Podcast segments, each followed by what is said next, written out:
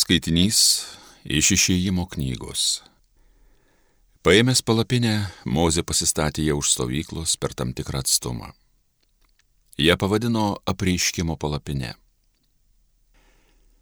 Kas norėdavo ko pasiklausti viešpatį, eidavo į apreiškimo palapinę priešai stovyklą.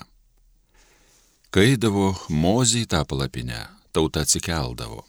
Kiekvienas išeidavo į savo palapinės angą ir žiūrėdavo Mozin, kol tas įžengdavo į palapinę. Mozė įžengus, to jau nusileisdavo debesies stulpas ir atsistodavo prie palapinės angos, kol viešpats kalbėdavo su Moze. Žmonės pamatę debesies stulpą prie palapinės, visi pasikėlę puldavo žemyn ties savo palapinėm. O viešpats su Moze kalbėdavo akis į akį, kaip kalbasi vienas prieš kitą bičiuliai. Paskui sugrįždavo Mozės stovyklon, tuo tarpu jo tarnas jaunasis Jozoje, Nuno sūnus, neatsitraukdavo nuo palapinės. Sinajaus kalne Mozė šūkčiojo viešpaties vardą. Praeidamas pro šalį, viešpats sušuko. Jahvė viešpats yra palankus ir atjaučiantis Dievas, kantrus, maloningas, ištikimas. Jis tūkstančiams rodo malonę, dovanoja kaltę, nusižengimą, nuodėmę tačiau nepalieka visai nenubaudęs. Už tėvų kaltybės atmoka vaikams ir vaikaičiams iki trečiai ir ketvirtai kartai. Nedelsdamas Mozė parpuolė ant žemės ir kniupšė sėmė maldauti. Jei aš viešpatį radau pas tave malonę, tegu mano viešpats kartu su mumis keliauja. Tiesa, tai tauta kietas sprendė, tačiau dovanok mums kaltybę, tą nuodėmę, ir leisk mums būti tavo nuosavybė. Tenai pas viešpatį Mozė išbuvo keturiasdešimt dienų ir keturiasdešimt naktų. Nevalgė jis duonos, negėrė vandens, surašė ant plokščių sandoros žodžius, tuos dešimt įsakymų. Tai Dievo žodis.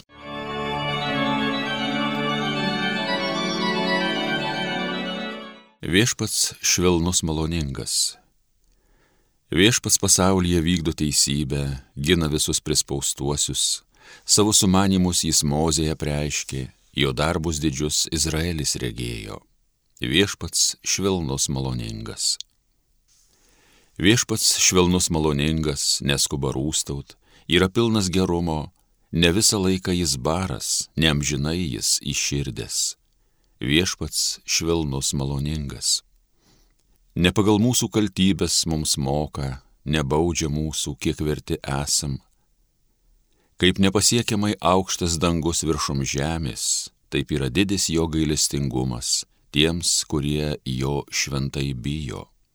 Viešpats švelnus maloningas. Kaip nuo rytų tolimi vakarai, taip toli kaltes mūsų nusviedžia. Kaip tėvas gailisi vaiko, taip gailisi viešpats ištikimųjų viešpats švelnus maloningas. Alleluja, alleluja, alleluja. Sėkla tai Dievo žodis, sėjėjas Kristus, kas jį suranda, bus gyvas per amžius. Alleluja.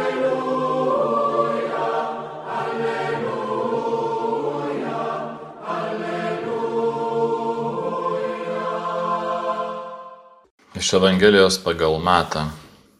Paleidęs mines, Jėzus keliavo namo. Prie jo priejo mokiniai ir prašė, išaiškink mums palyginimą apie raugės dirboje. Jis atsiliepė, sėjantysis gerą sėklą yra žmogaus sunus. Dirva tai pasaulis, gera sėkla karalystės vaikai, o raugės piktojo vaikai jas pasėjęs priešas, velnės. Pjūtis - tai pasaulio pabaiga, o pjovėjai - angelai. Taigi, kaip surenkamos ir sudeginamos raugės, tai bus ir pasaulio pabaigoje. Žmogaus sunus išsiūs savo angelus, tie išrankios iš jo karalystės visus papiktintojus bei nedorilius ir įmes juos į žiūruojančią krosnį. Ten bus verksmas ir dantų griežimas. Tuomet teisėjai spindės kaip saulė savo tėvo karalystėje. Kas turi ausis, te klauso.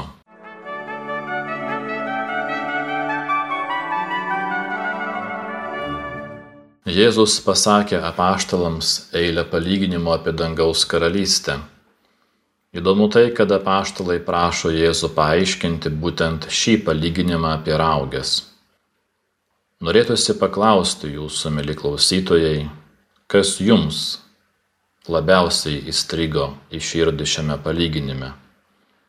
Ar šeimininkas, kuris sėja dosniai ir rūpestingai savo lauką, yra kantrus, moka laukti, tikras profesionalas, jis žino, kad raugės yra labai panašios į kviečius, jų negalima išrauti be nuostolių kviečiams. Greitapidiškumas gali labai pakengti derliui. O galbūt jums įstrigo piktasis, kuris prisėjo raugių. Šiandien bažnyčioje galime stebėti savotišką velnio temos populiarumą.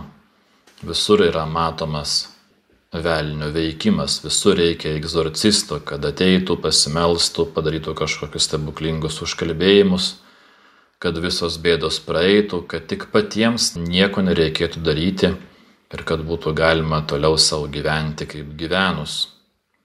Tokiu būdu šitono veikimas yra subanalinamas, tarsi tai būtų kažkoks bildukas lengvai išvaromas švestų vandeniu.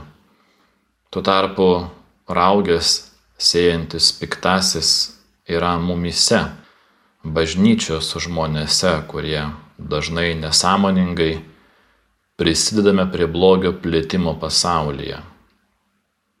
Yra žmonių, kurie tiesugeba vien viską kritikuoti, visur atrasti vien neigiamas pusės, nuolat visko skūstis.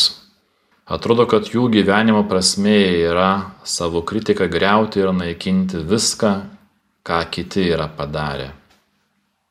Tokie žmonės patys nieko gero dažniausiai padaryti nesugeba, bet turi ypatingą kabutėse dovaną išvelgti slypinti blogį kitų darbuose. Jie neturi vidinių jėgų kurti kažką teigiamo, todėl kaip raugės tarp kviečių tampa kitų kūriamo gėrio parazitais. Jų gyvenimo jėga yra visą naikinantis pavydo instinktas. Kita šio palyginimo veikėjų grupė yra geranoriški šeimininko tarnai, kurie yra pasiruošę raugės išrankioti. Tačiau išmintingas šeimininkas pristabdo jų olumą. Tarnų pasirengimas darbui parodo jų gerą valią, bet kartu jų trumparegystę. Šeimininko laukia jie mato tik raugės. Jiems atrodo, kad raugės yra gyvybingesnės, kad jos nustelbs kviečius Tarnams raugių prisėjęs priešas tampa svarbesniu už jų šeimininką. Jie bijo, kad priešas pasieks savo tikslą, o šeimininkas liks bejėgis. Tokiu būdu tarnai nesąmoningai įeina į priešo logiką ir tampa jo sąjungininkais. Jie pradeda veikti panašiai kaip jis. Jie patys tampa priešais, taip kaip velnės tapo šeimininko priešu. Taip jie tampa priklausomi nuo priešų ir nutolsta nuo šeimininko.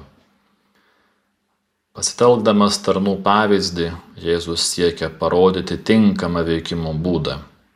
Reikia ramiai pasitikėti ir viltis, kad kviečiai užauks aukštesni už raugės ir duos gausų derlių. Paskutinį žodį tarė šeimininkas, tai jis galiausiai sprendžia apie kviečius ir raugės. Blogis nėra kažkuo ypatingu, jis yra visur, tiek pasaulyje, tiek bažnyčioje. Nereikia stebėtis tuo, kad blogis ir gėris auga kartu viename lauke. Gėris ir blogis neapsibrėžia aiškių ribų, nedalina žmonių ir jų nesupriešina. Blogį nuo gėrio skirianti linija yra nubrėžta kiekvieno žmogaus širdyje. Kiekvienas žmogus yra pajėgus padaryti bet kokį blogą darbą. Žmogaus širdyje auga ir geri grūdai, ir pikžolis. Daug žmonių šiandien elgesi kaip šio palyginimo tarnai. Jie turi nuolat kovoti, jiems reikia aiškiai įvardinti savo priešą ir nepailstamai su juo kautis. Tokie žmonės siekia kiek įmanoma greičiau atsikratyti blogio, o iš tikrųjų tai jie siekia atsikratyti žmonėmis, kurios laiko blogais. Jie nori greitai apvalyti bažnyčią, visus suklasifikuoti į blogus ir gerus. Tokiu būdu jie stoja blogio pusėje ir nutolsta nuo galestingojo Dievo. Jie tampa priklausomi nuo šetono ir bijo, kad Dievas su juo nesusitvarkys. Jiems atrodo, kad jie geriausiai žino, kaip reikia kovoti su blogiu. Iš jų aktyvizmo skverbėsi baimė, o kartais netikėjimas. Jie norėtų, kad Dievas veiktų pagal jų metodą. Daug žmonių šiandien žvelgia į pasaulį pesimizmo pilnomis akimis. Visur mato vien korupciją, nuodėmę, smurtą, melą, apgaulę, samokslo teorijas Tokie žmonės elgesi kaip Jėzaus palyginimo tarnai. Mato tik raugas, nesugeba išvelgti gėrio, galestingumo, ištikimybės. Jie yra taip susikoncentravę į šetono darbų demaskavimą, kad jau nebepastebi Dievo darbų pasaulyje. Apaštalas Paulius mums primena, kad ten, kur buvo pilna nuodėmės, ten dar apstesnė tapo malonė. Jis mus vis ragina Nesiduok pikto nugalimas, bet nugalėk piktą gerumu. Ir laiške tesalonikiečiams rašo, žiūrėkite, kad kas neatsimokėtų kam nors blogų už blogą, bet visuomet skatinkite daryti gerą vieni kitiems ir visiems.